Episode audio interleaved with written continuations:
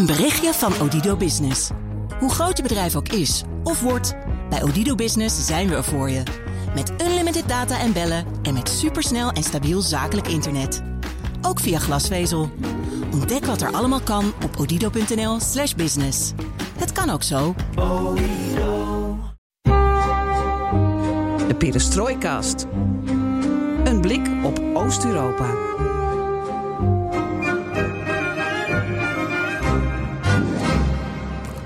Welkom bij BNR Perestrooikast, aflevering 188 van de enige podcast van Nederland die volledig oog voor het oosten heeft en alles geeft. Een aflevering die in het steken staat van Polen, want op 15 oktober, Geert-Jan, jij wist het ook al, zijn er parlementsverkiezingen. Ja, dat heeft de Poolse president Duda afgelopen week bekendgemaakt. Niet per se in een apart appje of sms'je naar mij, maar Oh, ik dacht het. aan, aan de hele Poolse natie. En vervolgens krijgen wij dat dan ook mee. En dat betekent een korte campagne, want die verkiezingsdatum is dus al over twee maanden. Hoe spannend worden die verkiezingen in het op vier na grootste land van Europa? Ja, dat bespreken we zo dadelijk hier in de studio met drie geweldige deskundigen. Aan mijn rechterkant Ivona Gush, cultuurhistoricus aan de Erasmus Universiteit, rechts tegenover mij. Uh, nou moet ik ook nog zeggen dat je Poolse wortels hebt natuurlijk. En dat je moeder hier aan, aanwezig is aan de regiekamer. Dat is ook gezellig. Uh, rechts tegenover mij Carolien Verduin, raadslid voor D66 in Den Haag. Kent veel Polen Nederland en Polen is haar moederland. Ze was al eerder bij ons te gast, net als Iwona trouwens. En recht tegenover mij uh, John Morijn, bijzonder hoogleraar recht en politiek in de internationale betrekkingen aan de Groningse Rechtenfaculteit. En weet heel veel van het Poolse recht. En heeft ook goed contact met Poolse rechters. En zo zijn er nog veel meer dingen uh, die op jullie cv kunnen. Maar daar komen we misschien uh, vanzelf wel op vanuit de deskundigheid die jullie met ons delen. Fijn dat jullie er allemaal zijn. Toch wil ik eerst even weten hoe het met jou gaat, mijn waarde Floris. Uh, want jij komt net uit Polen. Ja. Want je was twee weken in Oekraïne en dan passeer jij dus de, de Poolse grens. Ja, dan passeer ik de Poolse grens. En je ziet dat ik geen haar heb. Ik, heb, ik ga altijd even naar de kapper, het liefst in Krakau of Lviv. En dit keer was Krakau aan de beurt. Dus dan uh, laat ik me nog even helemaal verwennen voordat ik naar Nederland toe ga. Dus dan uh, netjes mijn baard laten trimmen. Ik zie het. En bijwerken en mijn haar doen en mijn wenkbrauwen en op mijn oorharen. Dat is allemaal perfect. Strak hoor. Ja, waar, ben je, waar, waar, waar, kom jij dan telkens in Polen uit als ik ga naar altijd, Oekraïne gaat? Uh, naar Przemysl. Of Goeie dat, uitspraak. Uh, ja, dat heb ik geleerd van uh, mijn Oekraïense fotograaf. Ik uh, brak er mijn tong over, hoe zeg je dat? Mijn bek over. Maar hij legde uit van, zo moet je het uitspreken. En ik spreek het uit zoals het eigenlijk in het Russisch of Oekraïens wordt geschreven. Dat vind ik makkelijker dan hoe het er staat met die P-R-Z-S-E-M. Nou ja, in, als je Cyrillisch leert, dan heb je inderdaad de SJ-klank en de SJ-TSJ-klank. En dat is dan gewoon één letter. Terwijl um, als je bijvoorbeeld Iwona Gusht uh, leest, uh, dan, dan lees je dus G-U-S-C. Ja. Ja. En hoe kan dat voor een Nederlander dan ineens Precies, zijn? ja. En, en, en, ik denk dat ik het nu zelfs misschien nog net niet helemaal goed uitspreek. Heel goed. Heel Wel, oké. Okay, nou, ik vind het dus altijd zo leuk bij die Poolse keeper, Szczęsny. En dan zitten dus de, de Nederlandse voetbalcommentatoren die zeggen dan Chesney of. Chesney. Ja. Maar het is dus SZ, CZ, E met een hangertje, waardoor je noza nasale klank krijgt, net als in het Pools of het Frans. Dus dat wordt een ang. Mm -hmm. En dan uh, uh, S en nee, Z, Z N Y. Stjansne. Stelsne. Ja. Nou, tot zover uh, die tak uh, van, van het Pools. Het ook een, niet over uh, hebben. dat is kiesmakkelijker, hè? Ja. Ik vind het wel leuk. Ik bedoel, ik heb slavistiek gedaan. Dus dan, dan, dan word je een beetje een nerd in dat soort dingen. Maar Floris, um, Polen en Oekraïne, buurlanden. Polen, grote steun van Oekraïne sinds het begin van de ja. grote Russische oorlog Ja. in Oekraïne. Wat, um, wat viel jou op? Nou, ik, niet, niet dat ik daar enorm in heb verdiept in de relatie dit keer. Uh, het was druk in de trein, heen en weer, heen en terug. Uh, ik denk veel Oekraïners die op vakantie gaan of even terugkeren naar, naar, naar Oekraïne tijdens vakantie. Dus alle treinen zaten vol. Um, Przemysl is altijd leuk om te zijn. Ik zag dat er nu zelfs dat, dat ook de Molotov-linie daar een fort uh, staat, uh, is aangelegd in de Tweede Wereldoorlog, met oog op de Tweede Wereldoorlog of zoiets. Dus het zit vol met geschiedenis in dat uh, Poolse grensstadje. Je voelt daar dat tot leven komen alle, alle verschuivende grenzen. En je hebt er een heel leuk koffie, taart, café, waar ik altijd even aanschuif voordat ik de trein uh, terugpak. in Przemysl? In Przemysl, naar Krakau, ja. En, en, moeten we dat nog even in de show notes zetten, dat je dat nog cel, even opzoekt? Cel 4 heet die. Cel 4. Oké. Okay. Ik kom daar graag. Nou, dat is leuk. Wat ons nog opviel in de voorbereiding, uh, want we zaten toch even te kijken naar die Oekraïns-Poolse relatie, is dat er ongelooflijk veel Oekraïense uh, ondernemers nu in uh, Polen zijn. Uh, want in Polen zijn, en, en corrigeer me als jullie het beter weten, maar ik denk 2,5 miljoen Oekraïners nu ongeveer. Ja. dat is de schatting, 2,5 miljoen. Ja. Ja. Zoiets. Ja, we weten natuurlijk niet hoe vaak mensen even teruggaan om familie in Oekraïne Mhm. te bezoeken, omdat dat natuurlijk gewoon kan. Maar wat ons opviel, Floris, was dat er eh, van de nieuwe eh, ondernemingen die in Polen gestart worden, dat 10% daarvan dat wordt gedaan door Oekraïners. En ik geloof ook dat er in 2023 alleen al iets van 25.000 Oekraïense eh, bedrijfjes zijn opgezet. Ja, van horen zeggen van Oekraïners, zonder ik het journalistiek heb eh, uitgezocht. Ja, heeft de Poolse groei, economische groei, heeft het te danken aan de Oekraïnse bedrijven die ook nog eens belasting afdragen. Nou, dat vind ik wel heel veel eer eh, moet- richting Oekraïne. Maar Dat, dat moet ik nog uitzoeken, maar dat, dat, zo, wordt er, zo zeggen de Oekraïners natuurlijk een beetje met trots van kijk eens, eh, wij dragen ons steentje bij. Oké, zo mag je het zeggen, inderdaad. Eh, nog iets opgevallen verder aan die relatie, of is dat voor een volgende podcast? Volgende podcast. Oké, heel goed. Maar de eerste volgende podcast gaan we dieper in op de reis, mijn reis naar Oekraïne. Dat lijkt me zeer waardevol. Want waar was je geweest? Kijk even, ja, Lviv eindigde ik. Toch nog voor een verhaal over drones. Kiev geweest, ben ik naar de bioscoop gegaan. Zaporizhia geweest, eh Dnipro geweest, dicht eh, in het Donbass. 320 meter onder de grond in een steenkoolmijn. Bijzonder. Eh, dus dat allemaal.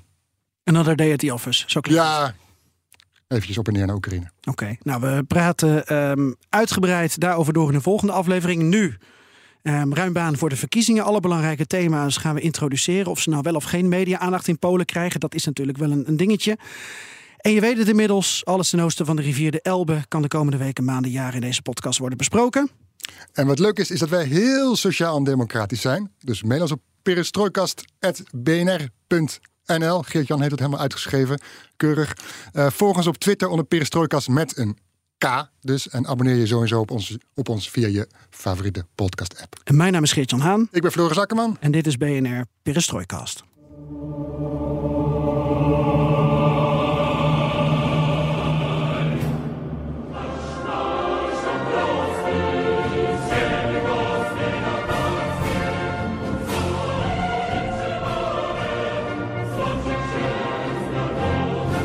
Ik weet niet of dit mij in Polen in dank wordt afgenomen om het eh, Poolse volkslied eh, te mixen met eh, het Russische Sovjet Kalinka. Maar vooruit, bij deze gedaan. Alles kan hier in deze podcast. Op 15 oktober zijn er parlementsverkiezingen in Polen. Misschien zijn dit wel de belangrijkste verkiezingen in de Europese Unie sinds tijden. Ik gooi hem gewoon al erin.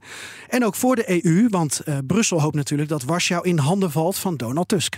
Maar maakt deze oud-premier kans? En in wat voor land probeert hij überhaupt de troon te bestijgen? De komende weken zoomt de perestrooikast daarom in op Polen. Met een speciale podcastserie. Ja, die eh Polkast-serie wou je al zeggen. Podcast, ja, ja. Ja.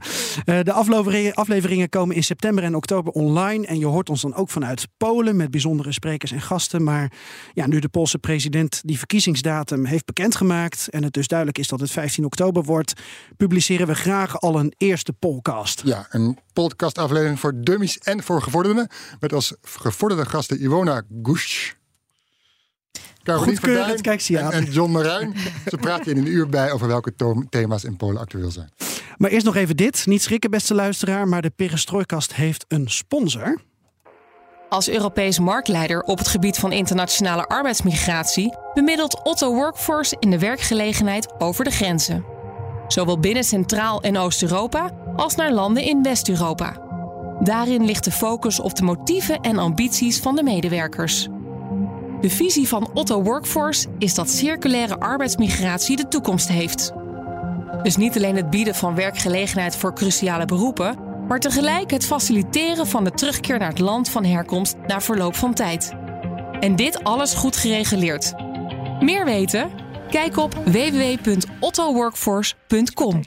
Ja, Floris, de Perestrooikast heeft een sponsor. In ieder geval voor de komende weken, maanden. We hopen natuurlijk altijd op jaren. Ja, wat een wonder. Ja, Nou, in ieder geval de komende weken, maanden, jaren doen we niet alleen verslag van de Poolse verkiezingen, maar ook eh, die van Slowakije komen aan bod. Ja, er speelt gewoon heel veel in eh, Centraal-Europa en natuurlijk in Oost-Europa. Maar die oorlog heeft veel aandacht gekregen. En het is ook belangrijk om eh, landen als Polen en Slowakije te volgen met alle beslommeringen daar. Now coming to Polish elections and how this will affect the region, actually, the New Europe that we call it. Peace is fighting with the opposition coalition. Is that correct? That's right. That's right. Po- polls have narrowed over the past uh, couple of years and over the past few months. Peace is winning with by, in the polls, of course, by a handful of percent, probably three, four percent. Ja, 15 oktober, parle- Poolse parlementsverkiezingen. Ivona, eventjes, eh, wie, wie maakt nu de kans als ze nu, worden, zouden worden, als ze nu zouden worden gehouden? Kijk, eh, we, we gaan sowieso, we moeten nog even afwachten, eh, want 28 eh, augustus is de datum waarop alle politieke partijen zich moeten melden en eh, de kandidaatslijst opstellen. Maar wat we nu al kunnen verwachten is sowieso dat de PiS-partij, die, die gaat natuurlijk vo- volop op, op, op, op winnen. Ja, regeringspartij Eh, ze hopen- acht jaar. Ze hopen nog een keer winst te halen voor de derde keer. Ehm, daarna is de eh, coalitie, de eh Tuskpartij, de Coalitie Obywatelska, um, burgerplatform, burger, Ja, burgerplatform geloof ik. ja. Ja. burgercoalitie nu. Want hè, er was een burgerplatform, maar het is nu wat ruimer met wat andere kleine partijen die zijn aangesloten bij, bij Tusk, bij Donald Tusk als de, de, de, de ledende factor, de ledende politicus daarachter. Dan hebben we nog de derde weg. Ah, want het is een, een coalitie tussen twee politici, twee groeperingen. eh, die proberen een soort van alternatief te creëren voor zowel PiS als eh, Donald Tusk. En die partij heet de derde weg. Ze heten ook, ze gaan volop eh, de strijd in als de derde weg.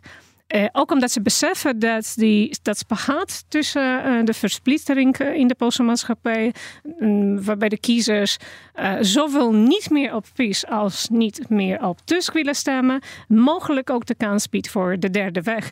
Maar wat we nu in de peilingen zien, is, dat, is die kans voor 12% of 10% waard. Zo ongeveer. Dat, en de derde weg is dat... eh, Hołownia, Simon Hołownia. ja, eh, onder andere en een aantal kleine partijtjes die zijn aangesloten. ja, Holovja deed eerder mee ook aan de presidentsverkiezingen. Precies, hij gaat de beweging 2050, Ja. Polen 2050. Nou ja, dat is niet helemaal succesvol geworden. Dus nu gaat hij eh, samenwerking aanknopen met een aantal andere cent- centrumrechtse politici. eh, waarmee hij hoopt in ieder geval een, een belangrijke derde co- coalitiepartner te kunnen worden voor de partij die de verkiezingen wint. Ja, dan hebben we ook nog Confederatia. We hebben ook nog Confederatie. Moeten we toch even noemen, want die gaan hard in de peilingen. Ja, en die, die gaan eigenlijk inderdaad voor het eerst in de geschiedenis gaan ze meer, eh, of het ziet er naar uit dat ze meer dan 10, 10% gaan eh, krijgen. Wat heel veel is van confederatie, of in ieder geval partijen die vanuit die beweging vroeger eh, eh, zijn eh, gekomen. Eh, dat, is, dat moeten we nog even zeggen, dat is een nogal extreemrechtse groepering, heel nationalistisch. Die halen nu volgens de peiling rond 12, 11, 12 procent. In het verleden was het minder dan 5% altijd. Dus zij zijn een belangrijke coalitiepartner, zowel voor PiS mogelijk, als voor eh, Donald Tusk. Wat nogal controversieel is natuurlijk. Ja, want hoe gaat radicaal rechts met eh, centrum links? Precies. Ja, ik weet nooit zo goed of Tusk nou centrum links is, maar in ieder geval centrum. Centrum, Centrum Ja, het liberaal. is een centrum, ja, inderdaad. Ja. Oké. dus dus dat, dat, dat, dat is het hele spectrum. En daarnaast hebben we nog een nieuwe links. Eh, dat is een linkse partij, nieuwe beweging van een linkse partij die nu als, onder de naam Nieuwe Links gaat. En die hebben afgelopen weken iets meer winst voor het eerst geboekt in de peilingen. Maar ook niet heel erg spectaculair. Dus het staat nu, als ik me niet verkies, eh, vergis, eh, rond 6, 6, 5 procent. Dus ze hebben nog niet echt een belangrijke. En er is een kiesdrempel hè, van 5%. Het is een kiesdrempel. Maar de- er is een kans dat ze ook wel kiesdrempel halen. Oké. Ja, Eh, Floris. ja. Dat, dat, dat- zo liggen de kaarten erbij. Eh, ja, goed om te weten. Ik, eh, ik luister graag. I'm gonna give you money. Who would you bet on this time? Oh, you're putting me on the spot. Yeah. Okay. Um, let me put it this way. I hate to say it, but I think that peace will get the most votes. Okay. But this is very important. But they won't get a majority. That would be a big change from the past eight years. We hebben al een paar keer geroepen, gezegd dat het belangrijke verkiezingen zijn. En nou wil ik eigenlijk van Carolien weten waarom. Ja, wij zeggen dat wel, maar is het ook zo? Ja, dat denk ik zeker. Ik zie veel Poolse, maar ook wel Pools-Nederlandse mensen wel met spanning uitkijken naar die parlementsverkiezingen. Ehm, omdat het toch wel het moment is van oké, gaat PiS na acht jaar regeren dit vasthouden en het ook verder uitbreiden. We kennen natuurlijk alles en daar gaan we het ook allemaal over hebben. Eh, hoe Polen toch al wat meer anti-EU-sentimenten inbrengt. eh, het afbreken van de rechtsstaat. eh, het verder zich toetrekken van de media en ook de onafhankelijkheid van de media in gevaar brengt. Dus het uitbouwen van PiS zie jij gelijk aan het afbreken van. Ja, dat zie ik eigenlijk wel. En er is heel erg een beetje het gevoel van: oké, is het het moment dat de tijd gaat keren? En dat iemand als Donald Tusk, die wij natuurlijk kennen als uh, voor, oud-voorzitter van de Europese Raad, dat weer uh, terug gaat draaien eigenlijk. Hè? Dat er weer een meer progressieve uh, beweging gaat ontstaan in Polen. En dat we ze ook wel weer wat dichter uh, richting de Europese Unie gaan krijgen. Mhm. En ik denk dat daar heel erg uh, een beetje de risico op is. Of een beetje de spanning omheen valt. En ik heb tijdens mijn... Ik was afgelopen weken in Polen op vakantie. Heb ik een leuk jong Pools stel ontmoet. En die vertelde het ook wel van... Nou ja, zij wonen in het buitenland. Zoals veel hoogopgeleide jonge Polen. En zij wachten ook wel heel erg af. Oké, wat zijn nou die uitslagen van de verkiezingen? Um, zou het dan weer misschien een kant op kunnen gaan waarvan ze denken: oké, we gaan weer terug naar Polen. We gaan daar weer onze toekomst opbouwen. Um, dus ik denk wel dat heel veel mensen met spanning hier naar kijken, Mhm. naar de komende verkiezingen. En, en John, waarom zijn ze voor mensen buiten Polen die verkiezingen zo belangrijk? Uh, nou, zoals Caroline net al uh, zei, uh, de, de, onder de huidige Poolse-regering ligt uh, Polen eigenlijk al acht jaar uh, volstrekt op ramkoers met, uh, met de Europese Unie. Er zijn heel erg veel uitspraken van het Hof van Justitie bijvoorbeeld geweest. die zeggen dat de, het beleid van Law and Justice, de regeringspartij, uh, diametraal te, uh, ingaat tegen basiswaarden zoals bijvoorbeeld rechtelijke onafhankelijkheid. Er wordt heel erg veel financiering.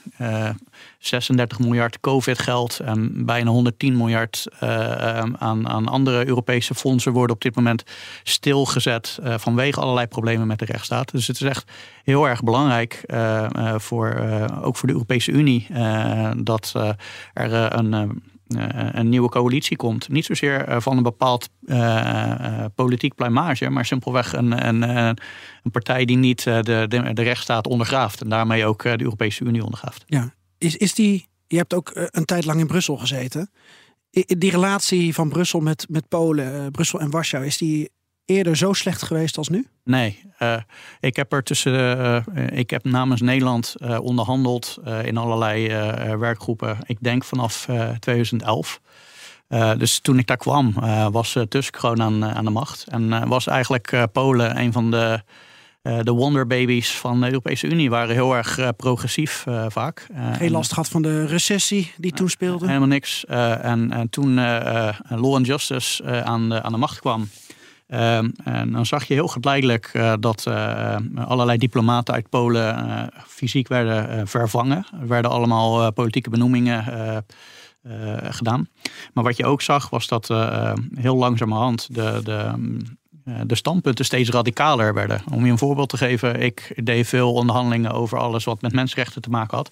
En op een gegeven moment was voor uh, uh, de Poolse regering uh, als een donderslag bij helder hemel opeens het woord gender niet langer iets dat je kon gebruiken omdat via de, volgens de ideologie van, van de huidige regeringspartij je alleen maar fysieke mannen en fysieke vrouwen hebt. Uh, en uh, daarmee werd opeens 20, 30 jaar, wat al gewoon standaard teksten waren in, uh, in Europees verband, werden opeens problematisch voor, voor Polen. En je zag, en dat was eigenlijk ook op menselijk niveau best interessant, dat de, de, de mensen die dat in zo'n raadswerkgroep in Europees verband moesten inbrengen, zich daar in eerste instantie ook heel erg voor schaamden. Maar ook dat ze totaal geen ruimte kregen van Warschau. Dat het gelijk chefzag werd en dat het echt op het allerhoogste niveau, op een ministersniveau moest worden afge, afgekaart. Dus ik heb dat zelf heel erg zien uh, veranderen. En dat is ook eigenlijk een van de redenen waarom die geleidelijkheid en de persoonlijke. Je hebt natuurlijk een, een persoonlijke band hè, met al je collega's. Uh, soms moesten wij ook wel iets regelen met, met de Poolse collega's. Dus je hebt heel veel sympathie voor, voor ze, gewoon op een persoonlijk, vriendschappelijk niveau. Die geleidelijkheid, de, de beeldspraak van dat het gaat over een kikker in een, een pan die langzaam wordt gekookt. Dat heb ik dus ook op die manier daar in eerste instantie gezien. Dat is ook eigenlijk de reden waarom ik me nu zo daarvoor inzet. Omdat ik, uh, ja, uh, wat er in, in Polen is gebeurd en wat ik van rechters hoort, is dat eigenlijk dat het verrassend was voor hen hoe snel dat uiteindelijk ging. En ik geef dus ondertussen ook heel vaak lezingen aan Nederlandse rechters om ze ervan overtuigen dat dit niet iets, niet, geen ver van je bedshow is. en, en daar kom ik ook terug van waarom is dat ook voor Nederland belangrijk.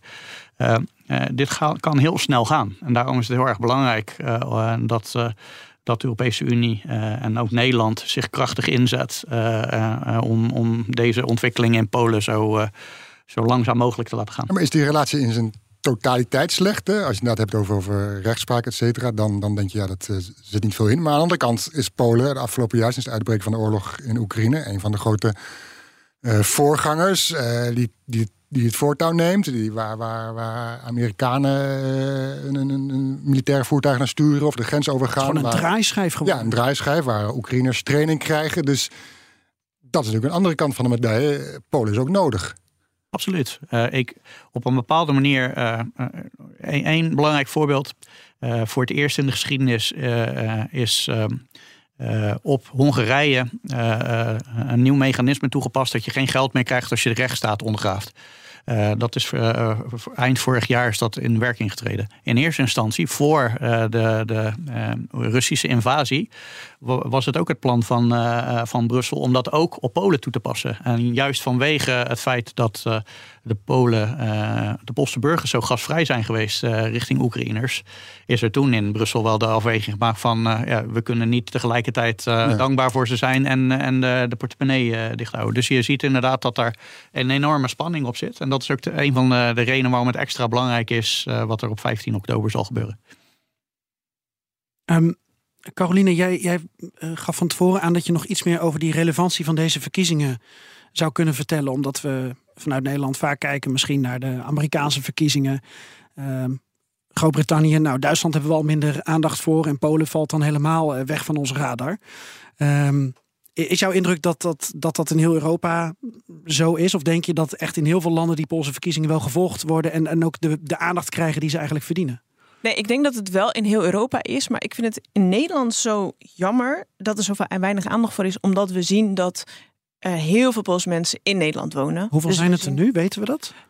Um, nee, dat is wel lastig eh, te stellen, omdat bijvoorbeeld de arbeidsmigranten waar ik mij voor inzet, uh, vaak niet goed geregistreerd zijn in uh, Nederlandse registers. maar het zijn er denk ik wel inmiddels honderdduizenden. Ik geloof wel. dat de schattingen zijn van 300.000, zoiets. Maar inderdaad, er zit een ruime marge tussen. Ook vanwege de seizoenkarakter van het arbeidsmigratie, inderdaad. Precies. En uh, we zien eigenlijk wel dat we de Turkse verkiezingen bijvoorbeeld toch wel wat meer volgen. Juist ook omdat we een grote uh, Turkse gemeenschap in Nederland hebben. En dan denk ik ook van nou, waarom kijken we niet naar Polen? En daarnaast, het is super relevant voor de Europese Unie, zoals uh, John dat uh, uitlegde. Ook voor onze eigen veiligheid. Hè? Want uh, we moeten Polen hebben echt erbij nodig om, ja, om ons te beschermen. want het is natuurlijk wel onze buitengrens aan dat vlak. Um, en eigenlijk, ja, ik ben enorm geïnteresseerd in de, in de politiek. En het is een hele interessante politieke verkiezingen wat daar gebeurt. Je ziet daar heel erg, wat we nou natuurlijk ook wel steeds wat meer zien in Nederland. Nou ja, die, dat, die kloof tussen stad en platteland. Um, uh, we zien hier ook, wat een beetje vergelijkbaar is in Amerika en waar we zo van smullen, uh, twee soort dinosaurussen die tegen elkaar opnemen. Uh, geen Joe Biden en een, en een Donald Trump, maar een Kaczynski tegen Tusk. Um, en dat opzicht zijn het ook hele interessante verkiezingen. Zo'n confederatie waar wij over spraken, zo'n extreemrechtse partij, heeft veel trekjes die vergelijkbaar zijn met het FVD van Baudet bijvoorbeeld. Um, er is ook nog een kleine boerenpartij die ook nu ontzettend veel rondom die graandeel in Oekraïne te maken heeft. Dus het is in alle opzichten zijn het interessante verkiezingen vanuit een politiek aspect. Uh, vanuit de Europese Unie. En ook omdat we gewoon een grote Poolse gemeenschap hebben in Nederland. En het ook heel interessant is van oké, wat gebeurt daar in Polen? En zou dat er misschien toe kunnen leiden dat Poolse mensen in Nederland denken. Nou, misschien ga ik weer terug naar mijn land van herkomst. Of nou, ik ga misschien toch maar mijn toekomst hier in Nederland opbouwen. Want ik zie het niet de juiste kant op gaan in Polen. And we continuing our show with an in depth interview about the upcoming elections in Poland and the regional security here in the New Europe. My guest tonight is Chris Gutowski. Welcome, Chris. You are an expert and analyst in international relations and especially in the region. I'm happy that you joined us. Yeah. Let's start right away yeah. with the very important question How terrified of Belarus are you from 1 to 10, where 10 is terrified? Zero. Is That's the truth. I mean, like, one, okay, you said 1 to 10, so 1, I'd say. 1, okay. Yeah. You don't see you don't see it as a problem. What's happening? Now? It's a problem. It's a problem, but I don't actually personally feel that there should be too much cause for concern. Als we toch nog een beetje bij Oekraïne blijven, is het natuurlijk wel die onrust over Wagner, die dan aan de grens bij Belarus zou zijn. En waar Polen dan weer, of waar Poetin dan weer op inspeelt. Van is Polen wel een echte soevereine, soeverein land? Bestaat het wel? Heeft het wel bestaansrecht? Uh, is dat wat de Polen nu ook opeens Ivona naar, de, naar, de, naar wakker schudt voor de verkiezingen? Kijk, ik, ik denk eh, ten, ten eerste, zeker mensen bij de grens, die, die zullen niet uh, zo heel rustig zijn uh, rondom de situatie aan de grens, aan de Belarusische grens, maar ook aan de Oekraïnse grens. Daar liggen mensen wakker van. Uh, maar wat wel heel opvallend is, denk ik, dat de politieke partij die nu, die nu aan de macht is, die gaat het wel gebruiken. -hmm. En uh, ik heb uh, voor deze podcast ook even de TVP nieuws geturfd afgelopen, van afgelopen dagen. Kun je dus, heel even omschrijven voor de luisteraar wat, wat de, de TVP nieuws is? Nou ja, dus de, de acht uur journaal zeg maar, van, van Polen op de publieke zender, die dus mensen die, een publiek, die alleen maar toegang hebben tot de publieke uh, televisie, geen kabel-tv en geen privézenders. Dat is de belangrijkste nieuws-item uh, van de dag. En dat zijn er veel. Bijvoorbeeld mijn opa uh, ja. in Kedijns, die, die, daar woonde, ja. die ontving alleen maar Ja. Dus dat, dat keek hij eigenlijk 24-7. Uh, want hij ontving niet de andere zenders zoals TVN. Uh, waarmee die, de oppositiepartijen... Ja. ja, precies. Je wil dezelfde vraag stellen als ik, denk ik. Ja. Dus de, de, publieke, de publieke zender uh, die, die, die is natuurlijk wel gratis of zeg maar openbaar. Ont, heeft een heel veel ontvangstmaster. Dus heel Polen is goed gedekt. Voor een privézender zoals TVN of andere zenders moet je meestal een kabel-tv hebben. Of moet je een, een bepaalde abonnement hebben aangesloten om dat te kunnen ontvangen. Dus een publieke zender is voor iedereen. Uh, nou, en natuurlijk zeggen we van jongere mensen kijken geen tv. Dus dat, zijn, dat, dat is met name de oudere generatie die nog steeds voor de buis ziet en daar uh, de nieuwsinformatie over verzamelt. Zo kijken ze naar de wereld. En TVP is uh, de afgelopen jaren meer en meer, ik noem het maar even, staatspropaganda geworden. Spreekbuis van de regering. En TVN is wat meer nog steeds de, de waarheidsgetrouwe journalistiek. Nou, en ook wel steeds meer oppositie. Want dat zie je dus. Hè? Dat is een hele symmetrische spel. Uh, ik heb dus allebei gekeken. En ik moet zeggen, ze leken op elkaar uh, in heel veel opzichten. Uh, ze behandelen in principe dezelfde items, maar dan net van een andere. En hoe zit het dan met Wagner, waar Floris over begint? Dus, wordt er anders over bericht? En dus, nou, kijk, er wordt natuurlijk wel bericht, maar ik wil even zeggen van hoe de publieke zender daarmee omgaat. Dus als je de, de, de opening van het journaal bekijkt, dan is die kwestie van veiligheid staat voorop. Elke keer. Dus elke keer worden de burgers hieraan herinnerd van kijk, de oorlog woedt aan de grens. En zowel aan de Belarussische grens worden incidenten uh, gemeld als natuurlijk er wordt ook heel veel aandacht aan de Oekraïnse uh, oorlog uh, bevestigd. En tegelijkertijd wordt ook meteen gekoppeld aan Tusk die een soort van spion of een verrader van Polen is. Zowel ten opzichte van Rusland. En hij is een spion van Rusland. Ja, want waarom? Hij is waarom, een waarom, van Rusland. Waarom wordt het gezegd? Omdat tijdens zijn regeringsperiode uh, heeft hij een nauwere samenwerking met Rusland geprobeerd te doen. En er is dus ook een serie gemaakt. Uh, daar weet je Wat voor alles. nou gas? Uh, economisch, maar ook inderdaad politiek probeerde Polen toen Rusland een, een, een toenadering te zoeken met Rusland. Mhm. Dat paste toen in Tusk politiek. Maar dat was ook in de Duitse en de Nederlandse. Dat deden we allemaal. Met handel door wandel. Ja, dat, ja. Was een, dat, dat, was dus een. Maar goed, hierdoor wordt dus Tusk ook gezien als een verlengde van Brussel. En Brussel tegelijkertijd wordt, wordt uh, geschetst als een verlengde van Poetin. En dus in die zin uh, laat de regering via de spreekbuis. Uh, Poolse publieke zender aan de burger duidelijk van wij zijn de enige die voor de loyaliteit voor de Poolse burger staan. Polen voor de Polen. Ja, ja en, en wij ook... zijn degene die Polen gaan beschermen tegen allerlei buitenlandse invloeden. En wat me ook opvalt is dat je tegelijkertijd in het nieuwsjournaal van 8 uur journaal nooit iets over de wereld hoort. Of nauwelijks over de wereld hoort. Het draait alles over Polen. Hè? Zo dus over Biden en Trump. Dus bijvoorbeeld hè, Hawaii, er is een, er is een stormhand in Hawaii, niks over. Uh, het, het, gaat alleen maar als het, als het te maken heeft met Polen. Hè? Dus als Biden komt naar Polen of als er iets in Amerika met Polen te maken heeft, dan wordt het aangehaald. Dus, dus al jaren, denk ik, maanden uh, leven Polen in een soort van eigen bubbel. En dat zie je ook tegelijkertijd in de privézenders. Uh, Wat ik ook heel opvallend vind, want ook TVN, die gaat dan over Kaczynski. En die gaat over de regeringspartij. Wat zij allemaal fout doen. Wat zij, ze lichten verschillende affaires uh, uit. Uh, ze, ze, ze, ze, laten de zogenaamde waarheid zien, mm -hmm. natuurlijk. Maar tegelijkertijd gaat het niet over de buitenland. Gaat het mm -hmm. niet over de buitenlandse politiek. Gaat het niet over waar Polen eigenlijk in een ruimere picture past. En je bedoelt dus ook te zeggen dat als je binnenkort verkiezingen hebt. en je hebt als tv-kijker van TVP, het staatskanaal constant als eerste journaal-item gezien dat er dreiging is en dat veiligheid bovenaan staat, dan wordt dat automatisch je belangrijkste verkiezingsonderwerp. En dan ga je daarop stemmen. En Morawiecki de premier en Kaczynski daarachter, die zeggen dus: Nou, wij zullen jullie beschermen tegen alle dreigingen die er zijn. Is dat dan de, de, de samenvatting? Dat is de samenvatting. En het is inderdaad wat je ook wel opmerkt. Uh, zeker de, de, de, de publieke zender die probeert de items te herhalen. Dus door herhaling kreeg je dat narratief nog sterker. Elke -hmm. dag is precies hetzelfde frame voorgeschoteld. Elke dag zegt de regering: Kijk, aan de grens gebeurt dit. Maar wij leveren steeds meer militaire steun, steeds meer betere technologische militaire ontwikkelingen. Dus dat, wordt ook, dat, succesverhaal wordt ook verteld. Economisch succes vertaald wordt ook telkens herhaald. En hierdoor ontstaat een hele glasheldere uh, verhaal eigenlijk.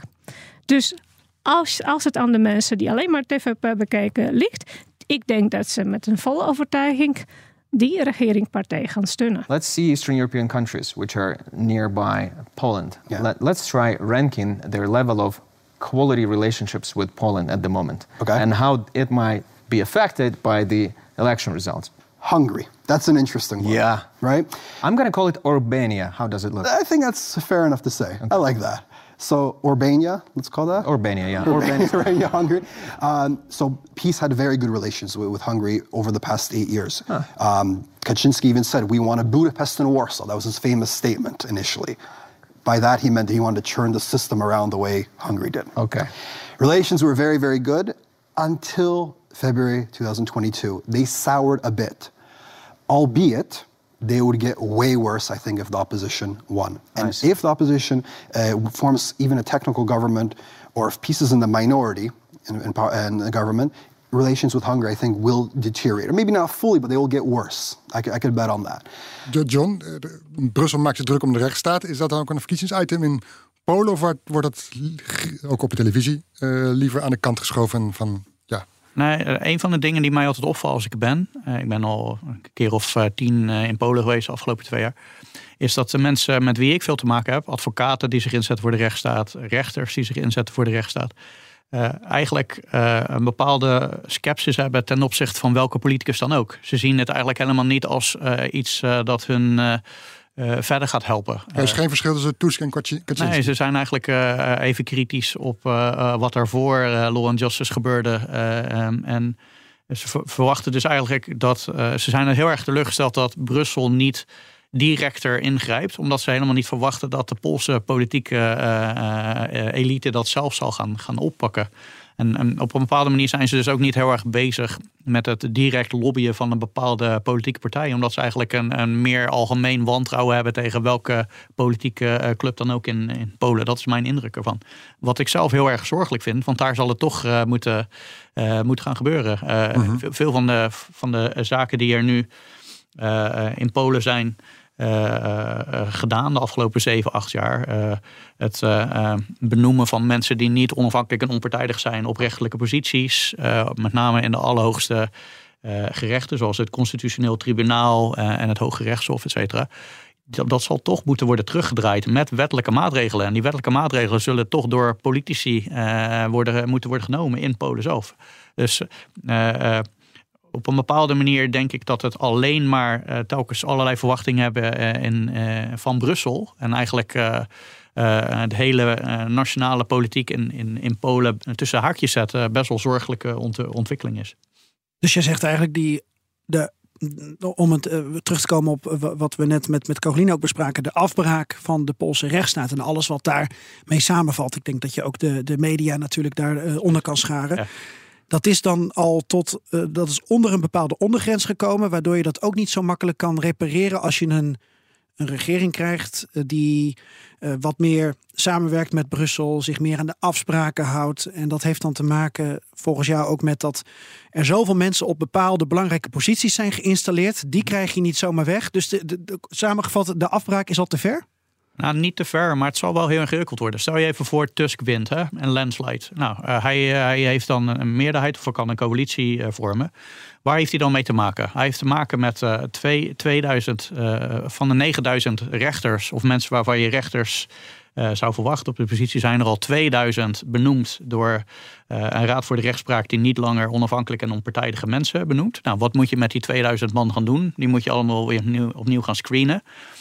Eh, eh, wat gebeurt er bijvoorbeeld met alle rechtspraak die het Constitutioneel Tribunaal de afgelopen zes jaar de wereld in heeft geholpen? Kan je dat van de een op de andere dag met een pennenstreek eh, terzijde schuiven? Nou, dat kan natuurlijk ook niet onder een rechtsstaat. Dus hoe ga je daarmee om?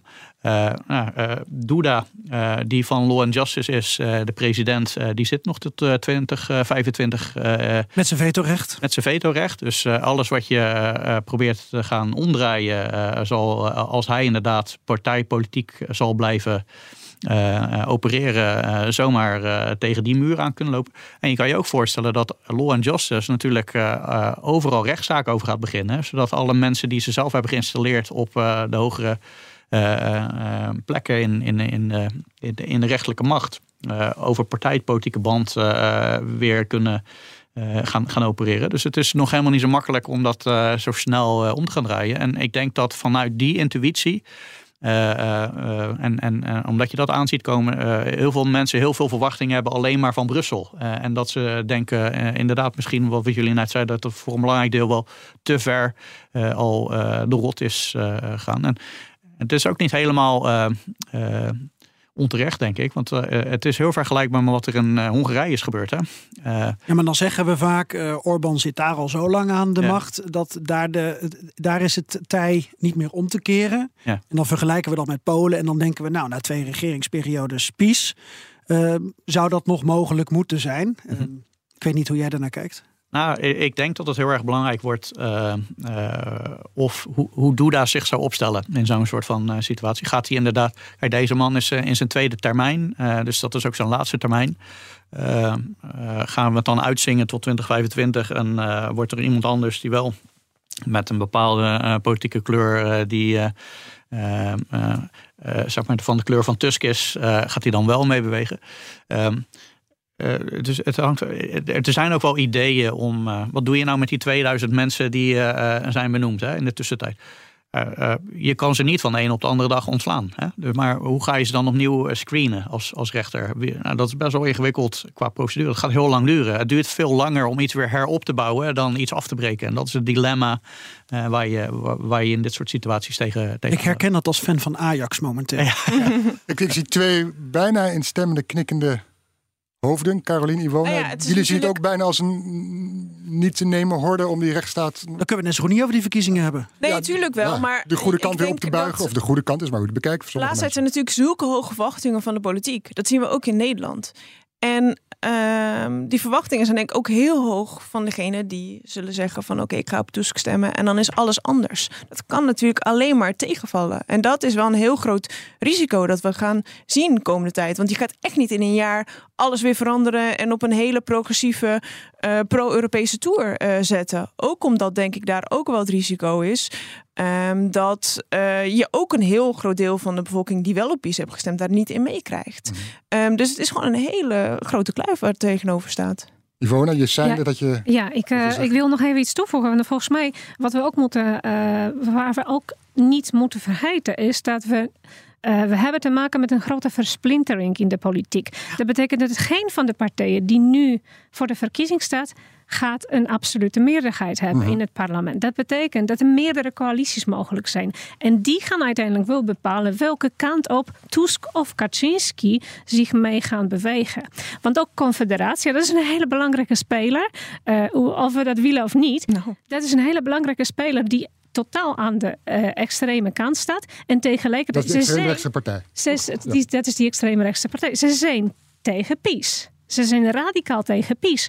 Maar ze willen natuurlijk ook wel mede regeren. Dus op het moment dat PiS wint, gaan ze proberen een coalitie te binden. Tegelijkertijd, ze zijn ook absoluut tegen Tusk. En toch hebben uh, een aantal partijleden aangegeven van... mocht Tusk winnen, gaan ze ook proberen mee te regeren. Betekent dat ze echt een grote wil hebben om uh, samen een nieuwe regering te vormen.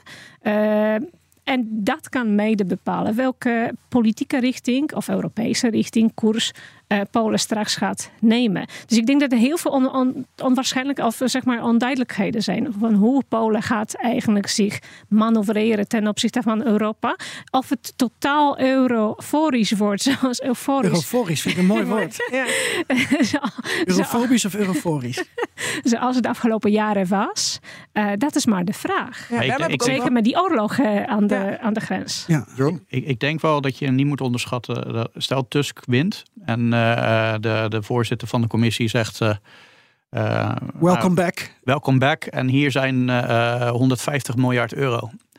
Uh, die nog uit het corona-herstelfonds ja, die, goed, dat, die, en dat, dat is natuurlijk wel een lekkere binnenkomer. Uh, die je ook gewoon heel erg pro-Europees, of uh, niet alleen pro-Europees, maar ook pro-Pools. Van kijk eens, dit hebben we voor jullie geregeld. En dat gaan we juist in het belang van, van de hele Poolse bevolking nu inzetten. Dus in die zin kan, kan dat hele Brusselse ook wel heel erg werken in, in het voordeel van een, een, goede start geven aan, aan, aan de Poolse regering.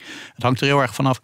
Ik denk dat wat je vanuit Brussel gaat zien, is dat ze, ze zullen proberen om zo, zich zo weinig mogelijk te gaan mengen in de, in de komende verkiezingen. Je, je ziet dat. Uh, Moria Verki probeert heel erg Manfred Weber, de, de, de, de voorzitter van de Europese Volkspartij, die Duits is. En, op die manier proberen ze natuurlijk heel erg, heel erg de, de anti-Duitsland kaart te spelen. Uh, dat uh, dat uh, het in het belang is van, van Law and Justice om het zoveel mogelijk een as versus them verkiezing te maken van wij Polen tegen de Europese Unie. En de Europese Unie is wat anders. Terwijl het, het verhaal natuurlijk juist ook kan zijn van wij zijn juist onderdeel van de Europese Unie. En het is in ons belang om de Europese Unie zoveel mogelijk in de image van Polen en Poolse belangen te, uh, te vormen. Want wat juist het bizarre is, Polen is een van de grootste Europese lidstaten. En ze zijn al heel lang bezig om ongelooflijk onder een soortelijk gewicht te presteren. Ze zouden veel invloedrijker kunnen zijn als ze het op een goede manier zouden gaan gebruiken. Mag ik heel kort even een aantal piketpaaltjes slaan, even een paar samenvattingen geven van de hmm. politieke partijen? Um, en van wat jij zegt over Tusk, want dan kunnen we zo nog um, uh, door op de wet die door president Duda is goedgekeurd, die nu ook wel als de uh, Lex Tusk bekend staat. Of course, there's a chance uh, that the opposition will form a technical government. Hmm. So they'll get majority in parliament with uh, the whole opposition. There's a chance, slim chance. The most likely scenario is that the third party in parliament, well, not parliament, third party in the polls rather, uh, confeder confederation, that they're going to be maybe as a coalition with peace or indirect coalition. We hebben het dus over twee grote spelers op dit moment die in de peilingen de dans leiden. PiS, dat zich dus als regeringspartij de afgelopen acht jaar heeft geprofileerd, um, graag Polen voor de Polen wil behouden, conservatief. Ook met uh, veel sociale uh, steun, waarbij ze heel veel geld aan gezinnen geven. Met de regeling waarbij hoe meer kinderen je hebt, hoe meer kinderbijslag je bijvoorbeeld krijgt. Dan hebben we uh, de uitdager Donald Tusk die terug is, die eigenlijk een waardig Polen weer wil. Dus um, nou, voor zover het kan, in ieder geval een niet verdere afbraak van de rechtsstaat. En dat iedereen zich gehoord voelt in, in Polen. Ook Polen weer wat meer op dat Europese toneel krijgen. Uh, maar het is natuurlijk ook een uh, liberaal. Dus ook economisch gezien zal die een andere koers gaan varen dan PiS. En dan hebben we dus Confederatia. Dat waren dus eerst uh, was een kamp uh, enthousiaste libertariërs die alles qua economie zo vrij mogelijk zouden willen als maar kon. Maar ze hebben um, die boodschap hebben ze eigenlijk nu verstopt in hun retoriek en zijn zich eigenlijk uh, ook, ook, zeg ik erbij, want ik zie Ivone al waarschijnlijk terecht kritiek leveren op wat ik nu zeg over Confederatia. Um, wat mij opvalt is dat Confederatia zich nu ook profileert als de partij die aangeeft dat de steun aan Oekraïne moet afnemen. En dat Polen dus voor de Polen is, waar PiS zich mee profileert. Maar dat is heel interessant, want ja, de komst van zoveel Oekraïners naar Polen, we hebben het erover gehad, en ook de steun naar Oekraïne. Um, ja, dat is, dat is voor PiS natuurlijk enorm belangrijk geweest de afgelopen anderhalf jaar om aan het electoraat aan te geven: jongens, wij zijn er voor jullie. Ehm, wij zijn er ook voor onze buren. Ehm, wij zijn een grote belangrijke speler in Europa. We hopen daar weer meer fondsen van los te krijgen. Is dit een samenvatting van de drie partijen waar je op kan stemmen? Ook al schudde je een beetje nee, Ivone? Ja, ja min of meer. Kijk, eh, waar, waar ik nee schud is eh, dat de Confederatie is nog steeds heel libertijns. Ja. Ze willen bijvoorbeeld geen eh gezondheidsverzekering in Polen. Dan kan je de samenwerking met PiS toch afschrijven? Eh, nou ja, kijk, maar zij, zij, zij proberen zo, zo breed mogelijk spe- spectrum te bespelen nu. Dus wat ze doen is eigenlijk nemen heel veel eh, radicale standpunten ten opzichte van de huidige politiek. Om zoveel mogelijk jonge mensen met name eh, te overtuigen dat zij de juiste eh, toekomst voor Polen zijn. Dus Polen voor Polen. Dat is het nationalistische boodschap. Poolse burgers eerst. Niet zoveel Oekraïners helpen. Polen eerst helpen. Het is een boodschap En die... jongeren, jongeren uit de steden, platteland, rijke jongeren, arme jongeren. Jonge mannen uit het platteland heb ik vooral begrepen. En ze zijn ook vooral actief op social Niet media maar natuurlijk. het pa- platteland. Maar inderdaad, eh, wat we zien in de peilingen is dat eh, jonge mannen zijn degene die zich het meeste aangesproken voelen door die boodschap. Uh, want, uh, nou ja, kijk, als je kijkt naar de Confederatie, dat zijn ook voornamelijk mannelijke politici. En uh, ze zijn ook absoluut niet voor vrouwen. Ze hebben geen, nou ja, de abortuskwestie, daar komen we waarschijnlijk ook straks nog op terug. Maar dat is ook een heikel punt in de Poolse politiek. Ja. En daar heeft Confederatie absoluut geen vrouwelijk vriendelijke boodschap voor. Uh, maar ze, ze, staan ook natuurlijk voor conservatieve waarden. Dus dat spreekt niet zo snel uh, Poolse progressieve vrouwen aan. Maar uh, conservatieve mannen, jonge conservatieve mannen, als die nu alleen, zouden, alleen stemrecht zouden hebben. Wat de Confederatie mogelijk ook wel zou willen in de toekomst, alleen maar de mannen laten stemmen, dan zou Confederatie mogelijk meer dan 30% hebben. En dat betekent een forse, forse winst voor ze. Lex Tusk, um, ik weet eigenlijk helemaal niet zoveel van. Nou, lex is Latijn voor wet. Oké, okay, dankjewel. Er is dus een wet genaamd naar Tusk. Ja. Kun je dat even verduidelijken in, de, ja, in richting de verkiezingen? Ja, het is niet een wet uh, van Tusk, dat is wel belangrijk. Het is een wet die gericht is tegen Tusk. dit is een uh, initiatiefwetsvoorstel geweest. Uh, dat is wel belangrijk om even te noemen. Dus, dat betekent dat je allerlei, als, als een, de regering zelf een wet op tafel zou leggen, dan zou je allerlei uh, mechanismes hebben gehad die het veel beter zouden hebben moeten bevoelen aan de, aan de voorkant. Een initiatiefswetsvoorstel betekent dat het eigenlijk direct op tafel kan komen te liggen. En wat het uh, doet, is het, het stelt een, een politieke commissie aan die onderzoek gaat doen naar Russische beïnvloeding van, van de Poolse interne veiligheid in de periode 2007 tot 2022. Nou, 2007 is precies het moment dat de vorige regering Tusk aan de macht kwam.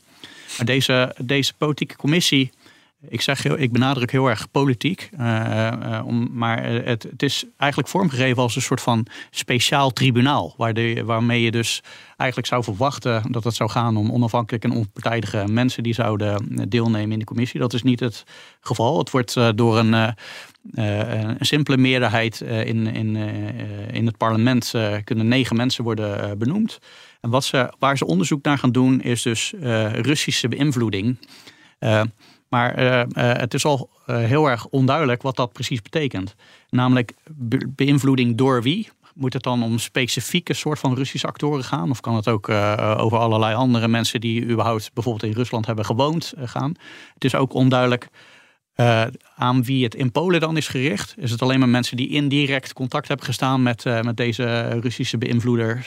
Of kan het ook bijvoorbeeld zijn dat als ik iemand spreek die met een Rus in verband heeft gestaan. Misschien heb jij de Rus dan wel beïnvloed. Ja, exact. Ben jij niet beïnvloed. Exact. dus de terminologie is al heel erg breed en vaag. Uh, en dat is heel erg belangrijk. En daar kom ik uh, op een aantal andere hele belangrijke kritiekpunten. Uh, normaal gesproken kan je natuurlijk alleen maar ehm, worden aangesproken voor iets dat op een moment dat je het deed al strafbaar was. Je kan niet twintig jaar na dato iets strafbaar gaan maken dat op het moment dat je het ondernam nog helemaal niet duidelijk was dat het überhaupt een, een, probleem was. dat, en wat er verder heel erg lastig was aan deze wet is dat je als degene die wordt aangeklaagd helemaal geen rechten hebt. Je kan je, normaal gesproken, als je bijvoorbeeld in een strafrechtelijke procedure ergens voor wordt aangeklaagd, dan heb je er ook recht om te zeggen: ik, ik wil hier gewoon verder niks over zeggen. het recht op non, non, niet zelfincriminatie heet dat. Nou, dat was ook allemaal niet goed geregeld. Dus dat heeft uh, het karakter van een politiek mechanisme om politieke tegenstanders uit te schakelen. En daarom is er enorm veel kritiek op gekomen toen dit op 31 mei in de eerste versie werd aangenomen door president Duda van de Amerikanen. de Europese Commissie heeft echt in recordtijd binnen zeven dagen een inbreukzaak gestart tegen Polen. Dat is nog nooit eerder gebeurd. En de redenering is eigenlijk heel interessant die de commissie hier gebruikt, de Europese Commissie. In dat ze zeggen, uh, dit raakt direct aan democratie. Het gaat niet alleen over de mensen die zelf willen worden gekozen, maar het gaat ook over de rechten van Polen die kunnen kiezen, de mensen die ze zelf graag zien als hun vertegenwoordigers. En, en dit is interessant omdat er ook een, een belangrijk Nederlands element aan zat. Ook een ander gezaghebbend clubje, clubje van de Raad van Europa, de Venetië-commissie, heeft vrij recentelijk op 26 juli hier een advies over uitgebracht aangevraagd door de ons welbekende Pieter Omzicht. Ja, die zit erin. En, en een van de leden die erbij betrokken was geweest is een, een, een raadsheer in de Hoge Raad van Nederland, Martin Kuijer. en ook de Venetische Commissie heeft gezegd: deze wet kan in deze vorm voor alle problemen die ik net uitlegde, gewoon, moet gewoon worden ingetrokken. Nou, door die kritiek is er wel iets uh, veranderd aan de, de, eerdere plannen. En die veranderingen die zijn een paar dagen geleden in werking getreden. er kunnen bijvoorbeeld geen parlementariërs komen in, in, in de commissie van, van negen mensen. het is ondertussen wel mogelijk in de nieuwe vorm om, als je zou worden veroordeeld door deze politieke commissie, om wel in hoger beroep te gaan bij een rechter. En het belangrijkste punt, namelijk dat je tien jaar niet politiek actief zou mogen zijn als je schuldig zou worden eh, bevonden aan iets dat dus volstrekt onduidelijk is. Dat is er ondertussen ook al uitgehaald. Dus het is een afgezwakt tribunaal? Het is een afgezwakt tribunaal. Uh, maar de vraag is op dit moment uh, of het überhaupt uh, zo kort voor de verkiezingen nog zal worden in werking zal worden gebracht door de Law and Justice Partij. Omdat twee maanden voor de verkiezingen natuurlijk heel kort dag is voordat je mensen hebt benoemd. maar het hele bestaan hiervan is een soort van ja, waar we het eerder in de uitzending over hadden, uh, het, uh, het telkens maar blijven benadrukken dat er op een bepaalde manier te grote Russische beïnvloeding is. Het gaat heel erg over de veiligheidsaspecten waar we het eerder over hadden. Dat uh, als, als een land bedreigd wordt, dat je dan een soort van rally around the flag effect ja. krijgt. Dus het is um, iets dat gewoon het hele bestaan hiervan is een, een directe bedreiging voor de democratie. En Caroline? Ja. Nou, wat ik er zo veelzeggend aan vind, is het is een wet genaamd naar de grootste leider van de oppositie, grootste oppositiepartij. En het is gewoon heel veelzeggend voor hoe Het is de niet officieel zo genoemd, maar het is het koosnaam. Nou ja, ja, dat is wel de koosnaam ja. geworden. En uh, het, het, laat gewoon zien hoe de politieke verkiezingen, de politieke campagne eigenlijk gewoon een strijd is tussen twee mannen eigenlijk. Ben je nou voor Kaczynski of ben je voor Tusk? Wie vertrouw je wel of niet? Het gaat ook niet zo heel erg over de inhoud per se, maar meer over de personen aan zich. Ja, Kaczynski is een oude vent, ongetrouwd, geen kinderen en is een kattenknuffelaar, zegt de oppositiepartij. Weet je wel? Die, die zit thuis met zijn vele katten. Toch? Ja, en, en Tusk is een, uh, uh, ja, dat is een Poetin-knuffelaar eigenlijk. En nou, dat, dat beeld wat heel erg wordt neergezet, en dat zie ik ook trouwens bij Poolse mensen en ook binnen Poolse families. Het is wat je ook ziet in Amerika. Van welke partij ben je? Van welke persoon ben je? Oh, jij bent uh, iemand die op je stemt. Nou, eigenlijk wil ik liever geen contact meer met je. Of we besluiten maar dat we niet meer met elkaar over politiek spreken, want dat gaat veel te hard tegen hard. En ja, dat is ook wel heel erg zonde, want het gaat niet meer over de inhoud, welke kant willen we op met Polen en hoe belangrijk Polen is in het, in het continent Europa en voor de veiligheid van Europa. Maar het gaat over twee personen die. Ja elkaar het licht niet in de ogen kunnen. Ja. Maar ook twee botsende visies van de toekomst. Hè? Want dat ja. zijn niet alleen maar de personen, maar ook inderdaad dat progressieve ja. uh, tegenover meer conservatieve, uh, meer traditionele katholieke Polen. Uh, en ook, denk ik, ouderen versus jongeren. Heel vaak jongere mensen die hun toekomst in de wereld zien. En oudere mensen die eigenlijk alleen maar nou, misschien nog nadromen van vroeger, van hoe eerder makkelijker was leven onder communisme of onder eh, zonder, zonder grote zorgen die nu komen. Dus de oorlog en Europa. Ja. Nog heel kort over die uh, Tusk-wet, die dus eigenlijk geen Tusk-wet is, maar ook weer wel. Mm -hmm. um, wat je volgens mij ziet, als ik dan naar TVP kijk en um, zie dat ongeveer tegelijkertijd er een documentaire reeks wordt gelanceerd, die heet Reset. Um, waarbij je uh, enorme voorbeschouwingen hebt op deze uh, Poolse staatstv. Waarbij je enorme nabeschouwingen hebt van dit programma. Nou, volgens mij zijn er nu zeven afleveringen uh, geweest. En in die Reset-documentaire gaat het dus eigenlijk ook over deze discussie. Kun je um, mensen die in het recente verleden hebben gehandeld met Rusland of onder Russische invloed tussen haakjes hebben gestaan, kun je die eigenlijk aanpakken. En wat zien dan de tv-kijkers, bijvoorbeeld jouw opa in, in Gdansk was het, hè, Caroline? Mm. Die ziet dus telkens een tafel met aan de ene kant Tusk en Sikorski, voormalig minister van Buitenlandse Zaken. En aan de andere kant Poetin en Lavrov. En dat is het beeld dat ook telkens bij mij dus blijft hangen. En dat is volgens mij een dodelijke campagnestrategie. Want je associeert Tusk en Sikorski constant met pro-Rusland. Terwijl in het Europees Parlement is er geen grotere Rusland-hater dan Sikorski, volgens Zeker, mij. Ja. Um, maar dat is dus die hele wet, John. We hadden het eigenlijk helemaal niet over de inhoud hoeven te hebben. Want, want het heeft zijn werk al gedaan voor de Poolse tv. Ik weet niet of jullie dat ook op die manier bekijken. Ja, zeker. Kijk, ik, ik denk dat inderdaad het verlengde van, van, van die wet is die serie. Dus die serie heeft een bepaalde boodschap om uit te dragen. En dat is geen onderzoeksjournalistiek. Het is een, het is een journalistiek met een propaganda, propagandaboodschap. Heel duidelijk. Uh, het gaat niet om onderzoeken hoe Rusland inderdaad Polen heeft beïnvloed afgelopen jaren. De vraag is anders gesteld.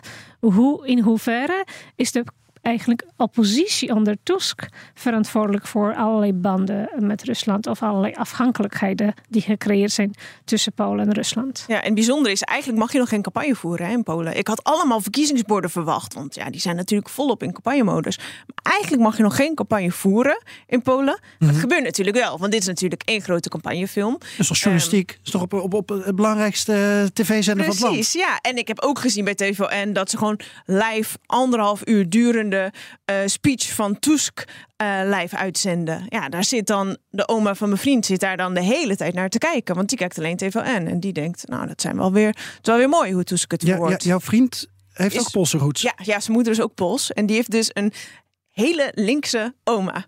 Oh, En dat, dat is het ook een beetje. Hè? Je bent of uh, nou ja, heel linksig, uh, oh ja, of een, een fan van Tusk, of uh, je bent uh, meer uh, regeringsgezind. en even in het blokje Boulevard. Jullie hebben elkaar in Nederland dan gevonden. En toen kom je In erachter... Brussel toevallig. In Brussel. Ja.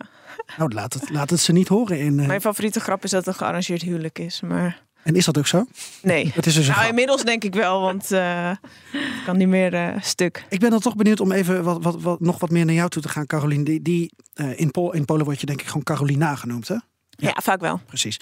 Um, we hebben het over Brussel, uh, we hebben het over Tusk. Er is um, bij de PiS-aanhang um, een Tusk-haat, er is een Brussel-haat. Er is van oudsher ook, uh, noem ik het maar even zo, uh, een Berlijn-haat en een Moskou-haat. Mhm. Uh, soms zie je bij verkiezingscampagnes ook nog uh, de Joden die uh, de Zwarte Piet krijgen. Ik zag dat in ieder geval bij de vorige presidentscampagnes af en toe weer opduiken. Maar dat komt uit extreme hoek dan, denk ik. Ja, dat is inderdaad. Ik verwacht het niet deze keer, eerlijk gezegd. Oké, okay. er zijn al genoeg mensen die, en groepen ja. waar je je tegenaf kunt zetten. Um, ook al Tusk wel die verkiezingen wint is er niet zoveel polarisatie in, in Polen dat dit. Um, ja, mensen worden alleen maar bozer en gemener naar elkaar. Ja, en ik denk teleurgestelder. Ja, dat denk ik ook. Want dus dat kan dat toch niks goed doen ook? Dat. Je kan het niet verbinden. Mijn, mijn oom dan in Polen, eh, die is enorm fan van PiS en van Kaczynski. Hij woont in Gdańsk. Eigenlijk komen ze uit een soort Tusk-familie, hè, want Tusk komt ook uit Gdańsk. En eh, ja, je ziet dus wel heel erg dat binnen families dit een punt is. Mijn moeder spreekt ook niet met haar broer over de Poolse politiek. Daar wil ze gewoon niet over beginnen, want haar broer heeft veel eh, conservatievere opvattingen. En soms zie je gewoon letterlijk passages uit TVP terugkomen van wat mijn oom dan vervolgens vertelt. Van oh, daar heeft hij het vandaan. Dus dan is het ook gewoon de afspraak, we spreken niet over politiek. Terwijl politiek wel vaak heel belangrijk is voor Polen. Eigenlijk praten ze wel graag over. Dus uh, ik denk ook wel dat dat zal blijven. Mag ik even? Want uh, ja, ik, ik, kan, ik, kan, het alleen maar bevestigen. Uh, kijk, ik woon niet in Polen, maar ik heb nog steeds heel veel vrienden, familie. Dus ik zie inderdaad eh, in alle families. Je hebt bewust de afgelopen dagen niet met je moeder gesproken, hè? nou, nee. nou, ik heb wil... heel veel met mijn moeder gesproken. Vanochtend heb ik even... Hebben jullie het over politiek? Ja, we hebben ja? absoluut met en, en gelukkig kunnen we door één deur. Dus dat is handig. Mijn oma ook trouwens. Die is ook, zeg maar... Die, die, die, die, die zie ik als mijn bondgenoot. Dus we hoeven niet politiek als thema te vermijden. Maar er zijn familieleden met wie ik liever niet over politiek begin. Omdat het meteen in een soort van nou, doodlopende uh, ruzie uh, uitloopt. We, we, luisteren niet naar elkaar. We willen niet elkaar horen. En dat is wat je ziet. En wat mijn moeder ook heel vaak vertelt als ze nieuwe mensen leert kennen. Is het meestal echt aftasten. Ja. En nooit beginnen over politiek. Maar eerst even aftasten. Om ervoor te zorgen dat je even zeker weet aan de welke kant sta je. Hoe tas je dus die, af? Nou, Hoe gaat je, werk? nou, kijk, je, je, je haat over de boodschap of inflatie. En dan proef je even of iemand aan deze kant of aan de andere kant staat. En als het aan de andere kant staat, is het ook meteen klaar het gesprek? Of soms is het klaar, soms is het gewoon echt vermeden van. Dan weet je dat je misschien de politiek even kan vermijden. Het gaat over voetbal. En sommige mensen kunnen dat wel goed doen. Hè? Dus mhm. het, het, het, hoeft niet dat je de hele tijd. Maar dan kan je over, nou ja, mooie film. Of, uh, en dan heb je het ook over mensen met Poolse wortels in Nederland als je elkaar tegenkomt. Nou, minder denk ik. Maar uh, het, het komt waarschijnlijk uit je. Ja, kijk, je hebt, je hebt een vriendenkring en dan weet je eigenlijk waar die mensen voor staan. Dus die, die passen iets meer bij jouw levensbeschouwing, uh, mm -hmm. zou, zou ik zo zeggen. Uh, ik, ja, ik ik zie, ik, zie, ik zie het niet zo snel. Ik kom niet zo snel nieuwe mensen tegen om dan meteen het gevoel te krijgen. Maar dat is ook wel mijn ervaring. Maar, maar in Polen wel. Ja, precies. Er zijn veel Poolse mensen in, in, in Den Haag. En dan spreek ik ze en dan merk ik toch wel dat ze vaak heel terughoudend zijn om te spreken over de Poolse politiek. En je merkt dan wel bijvoorbeeld mijn moeder, uh, die is dan in de jaren tachtig naar Nederland toegekomen. Ja, die heeft ook heel veel Nederlandse waarden. Had het ook wel een beetje de progressieve waarden. Heeft ze ook wel van huis uit meegekregen. En je merkt dat die generatie die Poolse migranten, dus veel vriendinnen van haar, um, die zijn een stuk progressiever. Die zijn vaak wel uh, meer voor de oppositie. Die zien ook de voordelen hè, van de Europese Unie. Um, dus zij zijn iets opener uh, om over de politiek te spreken. Maar het is vaak wel aftasten als je nieuwe mensen ontmoet. Van hey, hoe denk je erover? En uh, moeten we het hier wel over hebben? Ik moet denken aan de Netflix-serie die ik volgens mij in de kerstvakantie heb gezien. Brokat op, uh, op Netflix. Over uh, uh, hoe Polen. Het begint in Sopot 1976 en hoe Polen daarna steeds iets meer open gaat. En je ook klassenverschillen ja. zien. Heb, ik, heb je hem gezien, John? Ja, ik heb hem gezien. Ja. ja. Was wel interessant. Nou, een aanrader bij deze. Hoe word jij ontvangen? John, dan in Polen als, als Brusselfiel. Uh, maar dat de rechters, advocaten jou met open armen ontvangen, maar misschien andere kringen weer niet. Uh, word je daar uitgespuugd? En dan frame je hem gelijk als Brusselfiel. Ik zet hem even strak. Ja, ik zet het strak neer. Nee, ik, ik, heb er geen probleem mee om Brusselfiel te worden. Je hebt, je, hebt, je hebt recht op een advocaat, uh, John. Ja. Uh, nou, uh, een van, de, een van de, de, zaken die ik zelf zo wonderlijk vind, is uh, in, in, het begin heb ik me heel erg afgevraagd van wat heb ik hier aan ne als Nederlander überhaupt aan toe te voegen hè, aan deze hele discussie.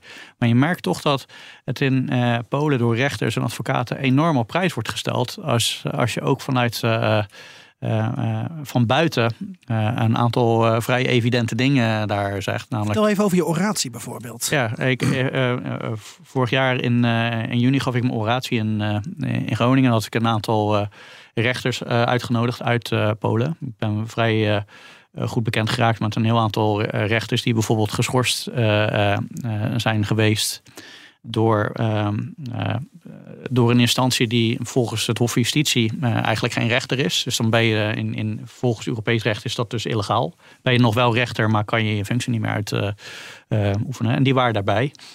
En, en, wat ze, en, en ik heb mijn oratie heel erg op zo'n manier geschreven dat, dat die ook in het Pools en het Hongaars kon worden vertaald. Dus we hebben dus ook een Poolse-Hongaarse kant gestaan. En ik, ik vind het heel erg interessant om te begrijpen, uh, wat zou ik doen? En dat is eigenlijk mijn drijfveer hieraan. Als je zo onder druk komt te staan, zoals een rechter als Igor Tulea, die gewoon zijn werk wil doen en, en daarmee enorm in de problemen komt, wordt bedreigd. Ik loop wel eens met hem op straat in, in Warschau. Het is een man die heel erg grote bekendheid geniet in, in, in Polen. Gewoon de, de permanente druk waarom die komt staan is echt heel erg groot. En ik merk dus dat zij het enorm op prijs stellen als, als jij je gewoon uitspreekt uh, voor uh, het. Uh, ja, voor het belang van, van een onafhankelijke en onpartijdige rechter. Waarom dat belangrijk is. Uh, en ik, ik heb er ook gewoon veel bewondering voor dat rechters in Polen ondertussen zelf heel effectief zijn in het uitleggen waarom het zo belangrijk is dat zij er zijn. Waarom het ook voor Piotr in Gdansk, die nu nog op PIS stemt, enorm belangrijk is dat als hij straks in de problemen komt met zijn bedrijfje en naar de rechter moet stappen, dat die rechter niet in de tas zit uh, van degene die, uh, tegen wie die een, een zaak moet uh, starten. Dus dat het een veel breder belang is dan, dan puur en alleen voor de, voor de linkse kant van de samenleving. Iedereen heeft er belang bij om een onafhankelijk onpartijdige rechter nou, als, als jij, maar ik neem aan dat je ook een PiS-kring komt. Ik neem aan dat je ook door rechters tegenkomt die door PiS worden benoemd, zijn ja. benoemd. Of, of ja word je dan uitgekotst? Of, ja, ik word uitgekotst. Je hebt heel veel... Uh... Was uitgekotst in concreet? Nou, ik, ik zou gewoon heel concreet maken. Ik heb dat nog nooit eerder verteld. Maar als ik in, uh, in, uh, in Groningen kom en mijn postvakje leeg maak... dan zitten er tientallen brieven in van gefabriceerde brieven. een beetje zoals vroeger in van die krimis van uitgeknipte krantenletters... die gewoon dreigmail eigenlijk zijn. Dus het is wel degelijk, als je eenmaal op die radar komt... en dat zie je ook bijvoorbeeld op Twitter... dat, dat mensen je dan weten te vinden. Uh, ik zie het zelf als een soort van. Uh, ik, ik, bedoel die niet stoer, maar het is een soort van badge of honor. het is, het, kennelijk ben je dan toch iets relevants aan, het, aan het doen. En dat, hetzelfde geldt eigenlijk in. als, als, als ik me uitspreek over Hongarije, dan kan ik ook mijn klok erop uit gelijk zetten dat ik ben al een heel, heel aantal keer uh, uh, bijvoorbeeld op Twitter benaderd door de minister van Communicatie van, uh, van Hongarije. Die vindt dat ik het natuurlijk niet goed heb begrepen en dat soort zaken. Maar je krijgt dus fysiek, in je fysieke postvak in Groningen krijg je dit soort knipsels. Ja, zeker. Wat staat erin dan? Ja, uh, nazi-zwijn, uh, van allerlei uh, best wel. Het, het, je, hoeft er weinig verbeelding, verbeelding voor nodig. Het is vrij direct. In het Nederlands? Nee, ja, in of het allerlei Nederlands. talen? Of, voornamelijk gewoon in het, uh, Hm. in het Pools. Ja. Hoe, hoe handel je dat af? Ik gooi het gewoon in bij het oude papier. Je hebt hier geen melding van gemaakt bij politie of andere instanties? Nee, ik, weet je, dat, uh, er gaat er gewoon geen. Uh, dan zou er energie in gaan zitten. En dat, ik, ik wil mijn energie steken in het ondersteunen van, van de mensen die ik denk heel erg belangrijk zijn voor het beschermen van de rechtsstaat in Polen. En daarmee hebben wij daar gewoon in Europese Unieverband, maar ook gewoon in Nederland direct. Uh, profijt van. En ik vind het gewoon heel erg belangrijk dat zij zich laten zich gesteund weten. Ja. Maar als jij PiS-bestuurders direct contact tegenkomt, mm -hmm. hoe gaat dat dan? Of hart tegen hart? Of blijken die mensen dan ook wel anders, er anders naar, naar te kijken dan misschien de top probeert over te brengen? Nou, ik, ik heb vrij herhaaldelijk nu het Europese parlement uh, toegesproken. En dan uh, krijg je inderdaad wel eens. Uh, dan zijn er pure parlementariërs die uit die hoek dan vragen stellen. En eigenlijk vertellen dat je. Dat je het gewoon niet bij het, bij het goede eind hebt. Dus vrij, vrij radicaal geven ze dan weerwoord. Maar als je dan gewoon zegt van ja, de kritiek uh, die je op mij hebt, is eigenlijk een kritiek op de allerhoogste rechter uh, uh, in, in Luxemburg. Dus misschien moet je daar gaan, gaan klagen. Dan kan je dat ook vrij makkelijk doodslaan. maar zij zijn helemaal niet zo geïnteresseerd in werkelijk een gesprek natuurlijk. het is in, die, in die zin heel treurig, best lastig om überhaupt een inhoudelijk gesprek hierover te hebben. Ik had er pas geleden heb ik Igor Tulea, dus die rechter, geïnterviewd. Omdat hij de eerste nationale rechter ooit was die binnen één week zowel een uitspraak won in Luxemburg en in Straatsburg bij het Europees Hof voor de Rechten van de Mens. Mm -hmm. En ik vroeg aan hem van waarom hij zich zo inzet uh, voor uh, iets heet dat heet uh, Tour de Constitutia. Dat is een, een, een maatschappelijke organisatie in Polen die eigenlijk als doel heeft om de burgers in Polen gewoon de, de, de basisprincipes van de rechtsstaat bij te brengen. En hij zegt, uh, ik vind het heel erg belangrijk ten eerste om uh, te laten zien dat rechters ook maar mensen zijn. Maar ook heel erg belangrijk om gewoon goed te begrijpen van waar mensen überhaupt tegenaan lopen qua vragen. En dat zijn gewoon hele basisvragen. Van waarom moet je überhaupt onafhankelijke, onpartijdige rechters hebben? Waarom werkt democratie niet zo dat altijd een meerderheid plus één is? Al die ja. basisdingen. Wat hij dus aangaf is dat hij eigenlijk zeggen, dat zijn zijn woorden van ja, uh, ik merk gewoon dat er gewoon heel weinig kennis uh, van die basisdingen zijn onder, onder met name jonge Poolse mensen. En dat het gewoon erg belangrijk is om dat juist wel één op één gewoon uit te blijven ja. leggen. John, nog één vraag en dan um, wil ik nog een paar dingen van Caroline weten en ronden we hem af. Maar wat jij, wat jij schetst over wat, um, wat je in je postvak aantreft, zonder namen te noemen, maar we weten dat er meer Nederlanders zijn, maar natuurlijk ook uh, andere Europeanen die begaan zijn met het lot van de Poolse rechtsstaat. Krijgen die ook deze uh, dreigmail, dreigbrieven? Ja, zeker. Ja, absoluut. ik ben daar zeker niet als enige in. Als ik een vrouw was geweest, was het nog tien keer zo erg geweest. daar ben ik ook gewoon heel realistisch in. dus, maar ik, ik, ik vertel dit gewoon om in, in antwoord op de vraag van hoe word jij in, in Polen benaderd? Ja, ik word dus uh, op twee manieren benaderd. Dus uh, uh, ofwel dat ze het heel erg fijn vinden dat je in de überhaupt je uitspreekt. En daar ook echt steun uit, uit halen. Dat is voor mij het belangrijkste. want ik, ik, mijn ego is niet groot genoeg om daar zoveel de tijd op tv of zo te willen zitten. Het gaat mij puur en alleen om die mensen aan te geven dat zij zich gesteund voelen. Maar aan de andere kant heb je dus ook wel die hele uh, ja, radicale mensen die denken dat je hiermee monddood kan worden eh, gemaakt. Ja, nou ja, je kan nooit zeker weten dat het van PiS-aanhangers komt, toch? Nee, Daar gaat het er gewoon niet om. Nee, precies. Gewoon van mensen die dit doen en die ja, niet zouden moeten doen. Ja. Ivona, je wilde iets toevoegen? Ja, maar um, ik weet niet of dat een goede brug is. Wat ik ook nog, wat we in dit gesprek nog hebben gemist, is we hebben verteld over die jonge mannen.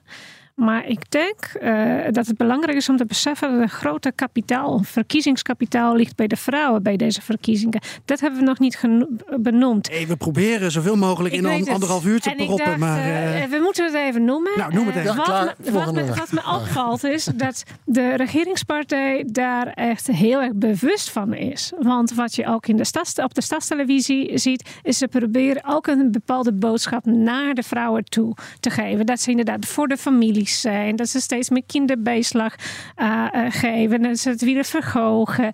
En dat ze eigenlijk ook wel voor de veilige abortus zijn. Oh ja. Mocht dat uh, binnen de wet natuurlijk. Maar staat het gebeuren. ook in het PiS-verkiezingsprogramma?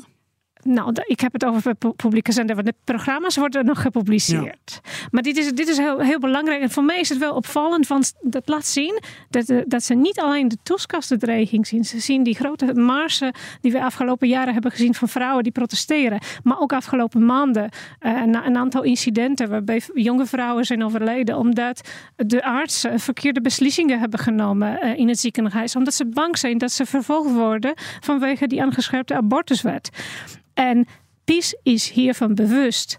Als het aan PiS lag, hadden ze waarschijnlijk de stemrecht van de vrouwen afgenomen. Maar gelukkig is dat niet. En ik hoop ook inderdaad dat de vrouwen nu voor het zeggen hebben. We hebben hier in uh, aflevering 109 van de Perestrooikast met ene Caroline Verduin uh, over gesproken. Toen was, um, eigenlijk, eigenlijk schaam ik er bijna voor, uh, heel slechte aanleiding was de dood van George mm. Floyd. Um, en toen hebben we dat um, ja, eigenlijk gebruikt, zeg ik er eerlijk bij. Omdat er was een enorme discussie in Amerika. En, en, als er discussies zijn in Amerika, dan volgen wij dat in Nederland alsof het om België gaat. Alsof het om een buurland gaat. En wij wilden toch graag aangeven dat er in Polen, wat veel dichterbij is, enorme discussies zijn over vrouwenrechten, over abortus, et cetera, et cetera. Uh, en toen uh, heb jij ons daarover bijgepraat. Uh, Caroline, zullen we in de show notes zetten. Als je kijkt naar, naar Polen in Nederland, Poolse Nederlanders, Nederlanders met Poolse wortels. Wat zijn dan de belangrijkste thema's? Waar willen ze voor stemmen en waar stemmen ze dan op? Nou, en dan hangt het er vanaf van welke migratiegolf heb je te maken. Zijn dat de Poolse Nederlanders die misschien in de jaren 80, 90 hier naartoe zijn gekomen? Um, die vaak wat progressiever zijn, uh, misschien wel meer uit grote steden komen. Um, zoals bijvoorbeeld mijn moeder en uh, uh, vriendinnen van haar. Uh, of hebben we het dan over de uh, arbeidsmigranten die afgelopen jaren sinds uh, Polen bij de EU kwam in 2004 naar Nederland zijn gekomen om hier te werken. En ik vraag me ook af of die laatste groep gaat stemmen in Nederland. En daar ook ja, ja, ze gaan stemmen. Ze gaan stemmen, ja. ze gaan stemmen niet, niet massaal, maar net, net zoals in Polen heb je zo ongeveer 50% uh, uh, opkomst. Die gaan stemmen. We hebben afgelopen jaren ook wel gezien dat ze steeds uh, conservatiever stemmen.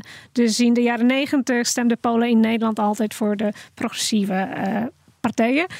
Maar vanaf afgelopen 2014 uh, verkiezingen is die, dat balans wat anders inderdaad. Hoe komt dat? En dat is wel fascinerend. Ah, mijn, mijn uitleg hiervoor is dat de meeste mensen uh, vanuit zijn uh, vertrokken onder de Tusk-regering. Want toen was het dus niet genoeg werk of niet, net, net de lonen waren niet goed genoeg. Dus ze hebben nog steeds het gevoel dat ze moesten vluchten op het moment dat die progressieve partij bezig was. En dat was nogal een liberale partij. Er waren geen, geen kinderbeslagen. In de tussentijd hebben ze dus inderdaad dat sociale uh, partij van, vangnet. van PiS vangnet gekregen, inderdaad. Kinderbijslagen. Dus heel vaak, uh, het zijn ook heel vaak uh, ver, um, gescheiden families. In die zin dat mannen of een deel van de familie werkt hier in Nederland, een ander deel van de familie met kinderen zit in Polen. Dus die mensen daar in Polen hebben steeds meer geld. Nou, die mensen uh, in Nederland verdienen bij, gaan naar de seizoenarbeid weer terug. En ze zien, ze investeren dat in hun huizen bijvoorbeeld. Hè. Ze bouwen. En ze zien dat het eigenlijk steeds beter gaat in Polen. Ook als je daar niet woont, denk je dat het steeds beter gaat waarschijnlijk. Omdat je de familieleden uh, hoort van ja, uh, we hebben nu wat makkelijker. Als je puur kijkt naar de economie zou je ook kunnen zeggen... nou, uh, acht jaar Tusk, eh, die heeft het goed gedaan. En daarna acht jaar uh, Kaczynski, Morawiecki en de club. Die hebben het ook goed gedaan. Dat de Poolse economie het goed doet, is een verdienste van iedereen. Dus ga lekker met elkaar een biertje drinken en los alle problemen op. Dat is niet het boodschap, boodschap die op uh, publieke zender wordt. Oh, dat is weer te positief. Want ook dat is een belangrijk thema die gaat spelen. De positieve economische draai in Polen, nog steeds relatief. De inflatie die iets afneemt. Uh, de economie die niet uh, zo snel remt als in Duitsland. Dat is ook een verdienste van de huidige regering. Zoals we dat in de publieke zender horen. Ja, en dat is ook fascinerend dat je ziet dan die grote groep arbeidsmigranten die naar uh, Nederland zijn gekomen om te werken. Die dus ook inderdaad zien, nou die kinderbijslag, dat helpt ons. Um, die zullen dan wel op PiS stemmen. Maar wanneer we kijken naar de voordelen van de Europese Unie... het vrij verkeer van goederen en mensen... waardoor zij in Nederland kunnen Mhm. werken, kunnen bijverdienen... Um, dat... Dat, uh, Dat dat zien ze niet. Nou, ik, ik denk dat ze Het is wel realiseren, maar meer als vanzelfsprekend en misschien als een gegeven. En dat, dat is ook heel interessant, dat eigenlijk de steun voor de Europese Unie is heel hoog onder Polen. Volgens mij hoger dan onder Nederlanders. Ik denk dat Polen wel heel erg inzien van we moeten uiteindelijk niet vertrekken uit de Europese Ja. Unie. Vanuit veiligheid natuurlijk, maar het heeft ook heel veel gegeven. Als je dan op vakantie bent in Polen, hoeveel borden je ziet met mede gefinancierd door de Europese Unie, vind ik echt heel slim van de Europese Unie dat ze dat afdwingen, zodat mensen gewoon in hun dagelijks werk, wanneer zij op de snelweg rijden van werk naar huis, ook zien van hé, hey, ik kan zo lekker rijden over deze mooie weg door de fin- eh, EU-financieringen. Ehm, dus het is soms ook een beetje een soort die tweestrijd die er is bij mensen. Van aan de ene kant wel op PiS stemmen. En ik vind ook, want dat is ook echt een, een, een faal geweest van Tusk, dat zij gewoon te weinig hebben oog gehad voor uh, de mensen die het minder goed hebben. Dat is natuurlijk ook wel. Het wordt ze heel erg verweten hè, dat het een politieke elite is die alleen maar kijkt naar de hoogopgeleide rijke mensen. Maar ik denk dat ze dat ook nu wel beseffen, ook omdat ze nu een voorstander zijn van kinderbijslag. Ze hebben daar te weinig oog voor gehad. Um, en dus zie je dat mensen aan de ene kant wel erg blij zijn met dat linkse sociale beleid vanuit PiS. Maar hoe hard ze natuurlijk de EU als een vijand uh, maken. Ja, dat is natuurlijk wel een risico voor mensen. Dus stel je voor dat een Polen besluit, en dat gaan ze natuurlijk niet doen. Wat je schetst lijkt wel een beetje een terugkerend thema in Europa. Ook als ik kijk naar de verkiezingen in Spanje of in Nederland uh, en Polen dan dus. Ja. ja, we hebben te weinig oog gehad voor... Ik heb altijd een hekel aan het woord, maar hoe zeg je dat? De gewone Pool, de gewone Spanjaard, de gewone Nederlander. En dat moet nu gerepareerd worden. Alleen in de tussentijd zijn er allerlei andere partijen opgekomen die dat als uithangbord presenteren. Ja, probeer dan maar als andere partij uh, te repareren wat een ander uitdraagt. En die heeft nooit iets fouts gedaan natuurlijk. Nee. Dus het, het, wat dat betreft eh, ben ik wel benieuwd hoe de Poolse verkiezingen uitpakken qua dit thema. En ook als je kijkt naar de Nederlandse verkiezingen die dan uh, eraan komen. Ja. Misschien bij D66 nog even inbrengen. Misschien. Let op de Poolse verkiezingen. Nou, dat denk ik zeker. Uh, want die is natuurlijk een maandje voordat wij onze verkiezingen hebben. En uh, we zien best wat vergelijkingen tussen de verschillende partijen. Want ik denk dat je PiS heel goed met een PVV kan vergelijken. Links sociaal beleid, maar een stuk rechtser wanneer het gaat over uh, asiel en migratie. Of hun standpunt tegenover de Europese Unie. Terwijl PiS nooit zo ver zou gaan zoals een Wilders doet die echt pleit voor een exit. Ja, dat, dat, dat zal PiS niet doen. Die zal niet zeggen we moeten uit de Europese Unie stappen, maar de Europese Unie moet zich wel meer aanpassen aan Waar ons. ga jij uh, bij deze verkiezingen op letten? Een slotvraag voor jullie allemaal. Waar gaan jullie de, de komende weken extra op letten, die verkiezingscampagne? vraag. Of als iemand het al weet, mag die uh, Caroline nog even wat tijd nou, geven. wat ik wel interessant vind, is we hebben het heel erg over gehad over hoe uh, die, die ja, spanning aan de grens, hoe dat uh, wordt gebruikt. Maar niet alleen vanuit complotten, maar ook wel omdat. De spanning met Oekraïne en Belarus. Ja, precies. Ja. Dus nou ja, nee, tussen nou ja, Polen, Belarus en, en Oekraïne, Belarus. Um, dat die spanningen ook een beetje worden benut als soort premiersbonus door een Morawiecki. Van je zag hem ook hè, in een mooi groen shirt, een beetje zoals Zelensky dat doet. Van oké, ik ben de premier in oorlogstijd. Uh, ik zal jullie beschermen. En dat ze denk ik ook wel hopen van, nou weet je wat, als het zover komt, dan, nou ja, een Morawiecki en een Kaczynski, dat zijn de mannen die ons kunnen beschermen tegen het Russische gevaar. Dus ik ben heel erg benieuwd hoe die spanningen zich verder gaan ontwikkelen. Hoe veilig of onveilig Poolse mensen zich voelen. En in hoeverre zij een Tusk bijvoorbeeld vertrouwen om uh, Polen te beschermen van het Russische gevaar. Ik ben heel benieuwd hoe Tusk-partij eigenlijk het Europees verhaal gaat neerzetten. Want kijk, uh, het, is een, het is lastig uh, manoeuvreren, geloof ik. Uh, aan de ene kant, het ligt voor de hand. Hè. Tusk is een oud politicus van Europa. Zo wordt hij ook geassocieerd. Maar aan de andere kant, hij moet zich ook positioneren als een hele Poolse politicus voor het Pools belang. En dat is natuurlijk wel lastig. Tegelijkertijd, ik denk dat ze die kansen moeten benutten om heel duidelijk te zeggen dat Pool exit is niet iets wat in ieder geval de oppositie achter staat. PiS zou het nooit hardop zeggen, maar als zij die kans zouden krijgen, zouden ze zeker uit de Europese Unie stappen. Uh, dus daar ben ik heel benieuwd naar. John? Ja, dat is ook de manier waarop ik ernaar zal gaan kijken. Wat ik verder gewoon ook interessant vind is... We hebben het nu over, over verschillende verkiezingen, maar nog niet over de Europese parlementsverkiezingen volgend jaar juni. Ja, dat was ik nog helemaal niet, joh. Nee, maar uh, uh, je ziet dat er nu een trend aan het ontstaan is. Dat als je kijkt uh, naar de politieke kleuren in Europese verband, dat het centrum aan het verkleinen is. Dus de, de, de, club waar Tusk bij zit, de Europese Volkspartij. En, en de flanken juist aan het vergroten zijn. waaronder dus. Uh, de, meer conservatieve en hele nationalistische club uh, uh, waar PIS bij zit. Maar bijvoorbeeld ook Giorgia Meloni. Wordt gedacht dat hij wel eens 50, 60 van de meer zetels kunnen gaan, gaan winnen dan ze, ze nu hebben. En eigenlijk is het dus best interessant om ook vanuit dat perspectief te gaan kijken van is, uh, wat we in Polen als uitslag gaan krijgen, loopt dat op een, een manier vooruit op hoe de Europese parlementsverkiezingen in volgend jaar juni zullen gaan uitpakken. Dus ook in die zin.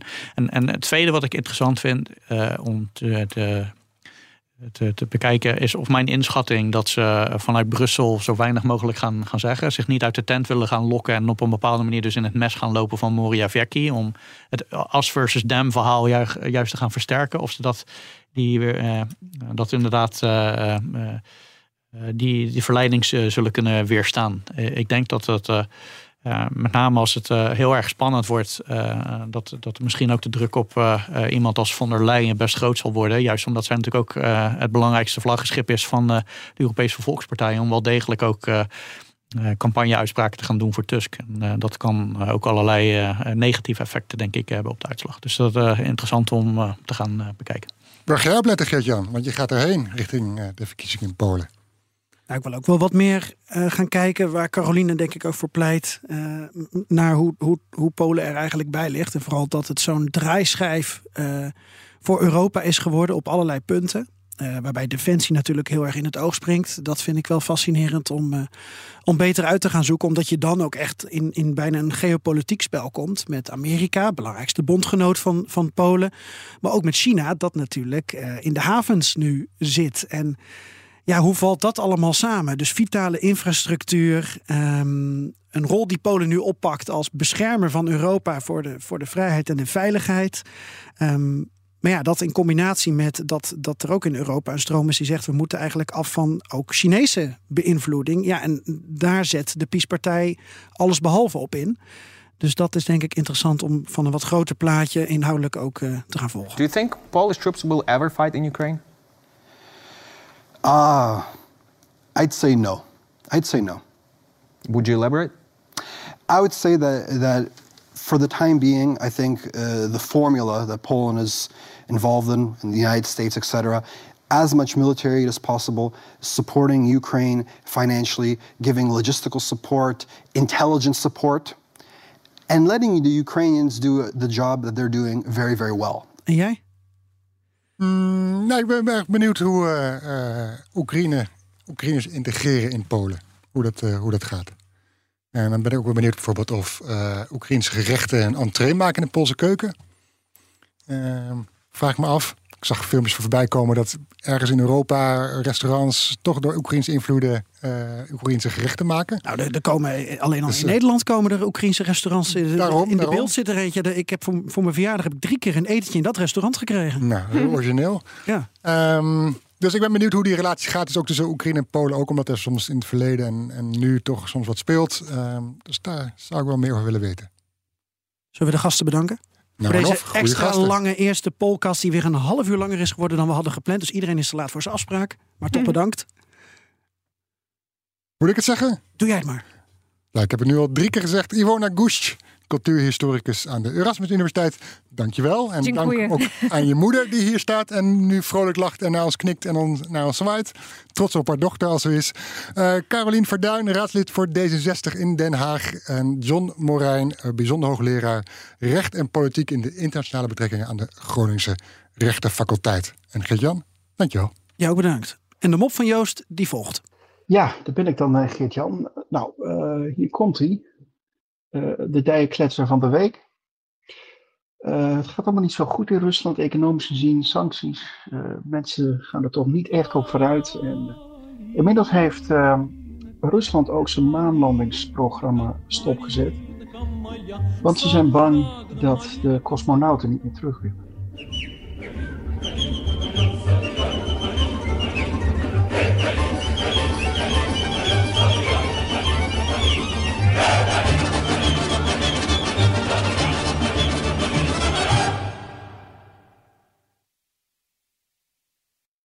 Pakka. Aito. Een berichtje van Odido Business. Hoe groot je bedrijf ook is of wordt, bij Odido Business zijn we er voor je. Met unlimited data en bellen en met supersnel en stabiel zakelijk internet. Ook via glasvezel. Ontdek wat er allemaal kan op odido.nl/slash business. Het kan ook zo. Odido.